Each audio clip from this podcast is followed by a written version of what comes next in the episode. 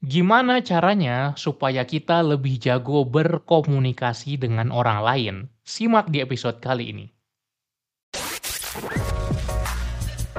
Halo, selamat datang di podcast Cerita Pembelajar. Kamu akan mendengarkan cerita mengenai pengalaman, gagasan, dan pembelajaran. Season 16 7 menit belajar skill masa kini.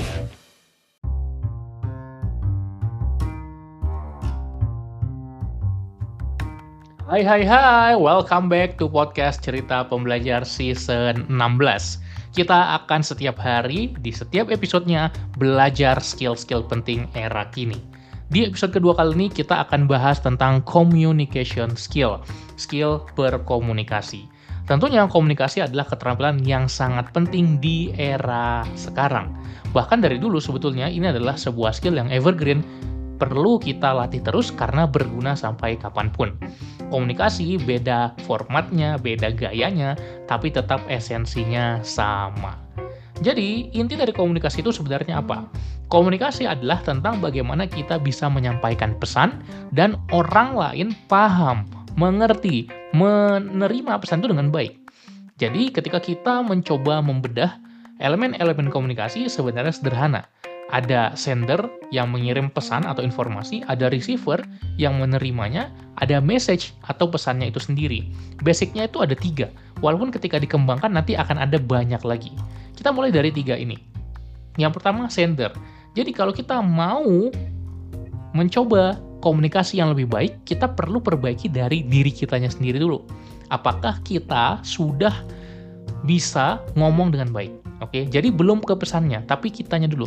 Apakah kita bisa bicara dengan baik? Kalau komunikasinya tulisan, kalau tertulis, karena komunikasi bisa lisan, bisa tulisan kan? Kalau tertulis, apakah kita udah bisa menulis dengan baik? Termasuk juga bagaimana saat kita berbicara. Bukan hanya apa yang kita ucapkan, tapi mimik wajah, body language, eye contact, semua itu akan masuk ke dalam elemen komunikasi. Karena komunikasi bukan hanya verbal, tapi juga ada komunikasi non-verbalnya. Jadi dimulai dibenahi dari diri kitanya sendiri dulu, sebelum ke pesannya. Kemudian yang kedua adalah receiver. Pastikan orang yang menerima informasi itu udah siap menerima informasi Jangan kita ajak ngobrol orang ketika orang lagi sibuk, ketika orang lagi nggak siap mendengarkan, ketika orang lagi melakukan hal lain, pastikan mereka siap dulu dan mereka bisa mudah menerima informasi kita. Termasuk saat kita memberikan informasi, kita perlu sesuaikan. Apakah orang yang mendengarkan cukup berpendidikan atau enggak? Orang yang mendengarkan paham istilah-istilah yang rumit atau enggak ke informasi yang kita sampaikan? Apakah orang yang mendengarkan termasuk awam atau termasuk ahli? Apakah orang yang mendengarkan bisa mendengarkan dengan hal-hal yang kompleks atau cuma yang simpel-simpel saja. Sehingga ketika kita berkomunikasi, apa yang kita sampaikan tentu menyesuaikan yang menjadi lawan bicara kita atau lawan komunikasi kita juga. Pertama sender, kedua receiver, yang ketiga adalah message atau pesannya itu sendiri. Di pesannya kita perlu mengutamakan komponen-komponen komunikasi dasar atau di aturan Mehrabian ada tiga hal penting yaitu verbal, vokal, visual. Yang cukup menarik ternyata komponen yang terpenting itu bukan hanya verbalnya saja atau apa yang kita ucapkan, tapi justru visualnya. Kita bisa bagi menjadi 7, 38, 55. Ini adalah aturan yang sangat populer di dunia komunikasi. Apa itu? 7% komunikasi akan bergantung pada keterampilan kita di verbal atau kata-kata yang kita gunakan.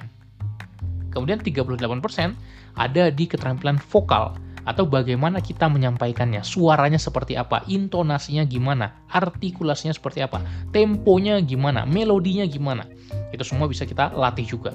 Dan terakhir 55% adalah visual, body language kita, bagaimana kita menampilkan saat kita berkomunikasi. Menampilkan apa? Diri kita dan cara kita berbicara.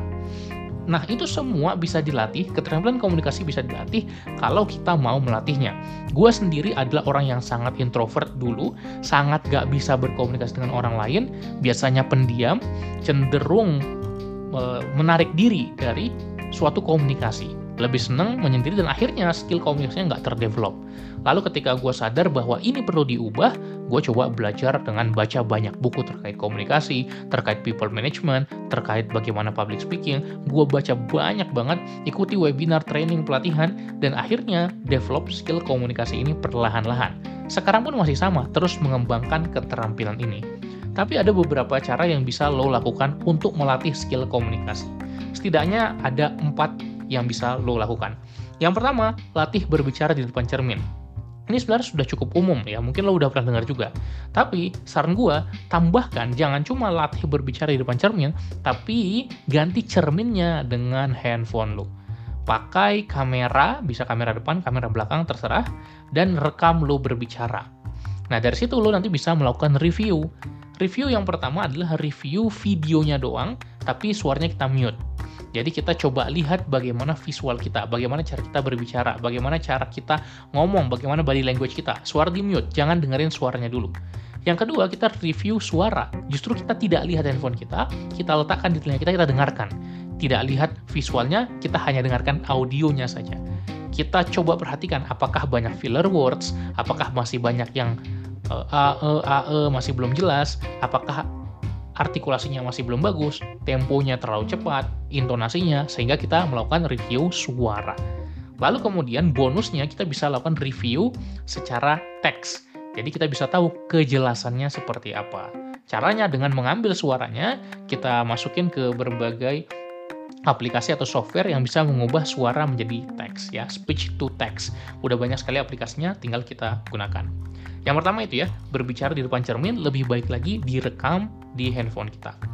Yang kedua, coba kita mengembangkan empati saat berkomunikasi. Empati itu apa? Empati adalah bagaimana kita merasakan perasaan orang lain, memosisikan diri di posisi orang lain. Itu akan mengimprove skill komunikasi kita juga. Yang ketiga, kita cari satu medium yang mana kita bisa berlatih sesering mungkin ketika kita berkomunikasi, jumlah jam terbang kita sangat berpengaruh ke keterampilan kita. Sebagai contoh, gue udah bikin ratusan podcast sampai hari ini, sehingga udah banyak sekali jam terbangnya dan perlahan-lahan terlatih. Di awal sekali episode 1 sampai episode sekarang, skill komunikasi gue udah banyak berubah.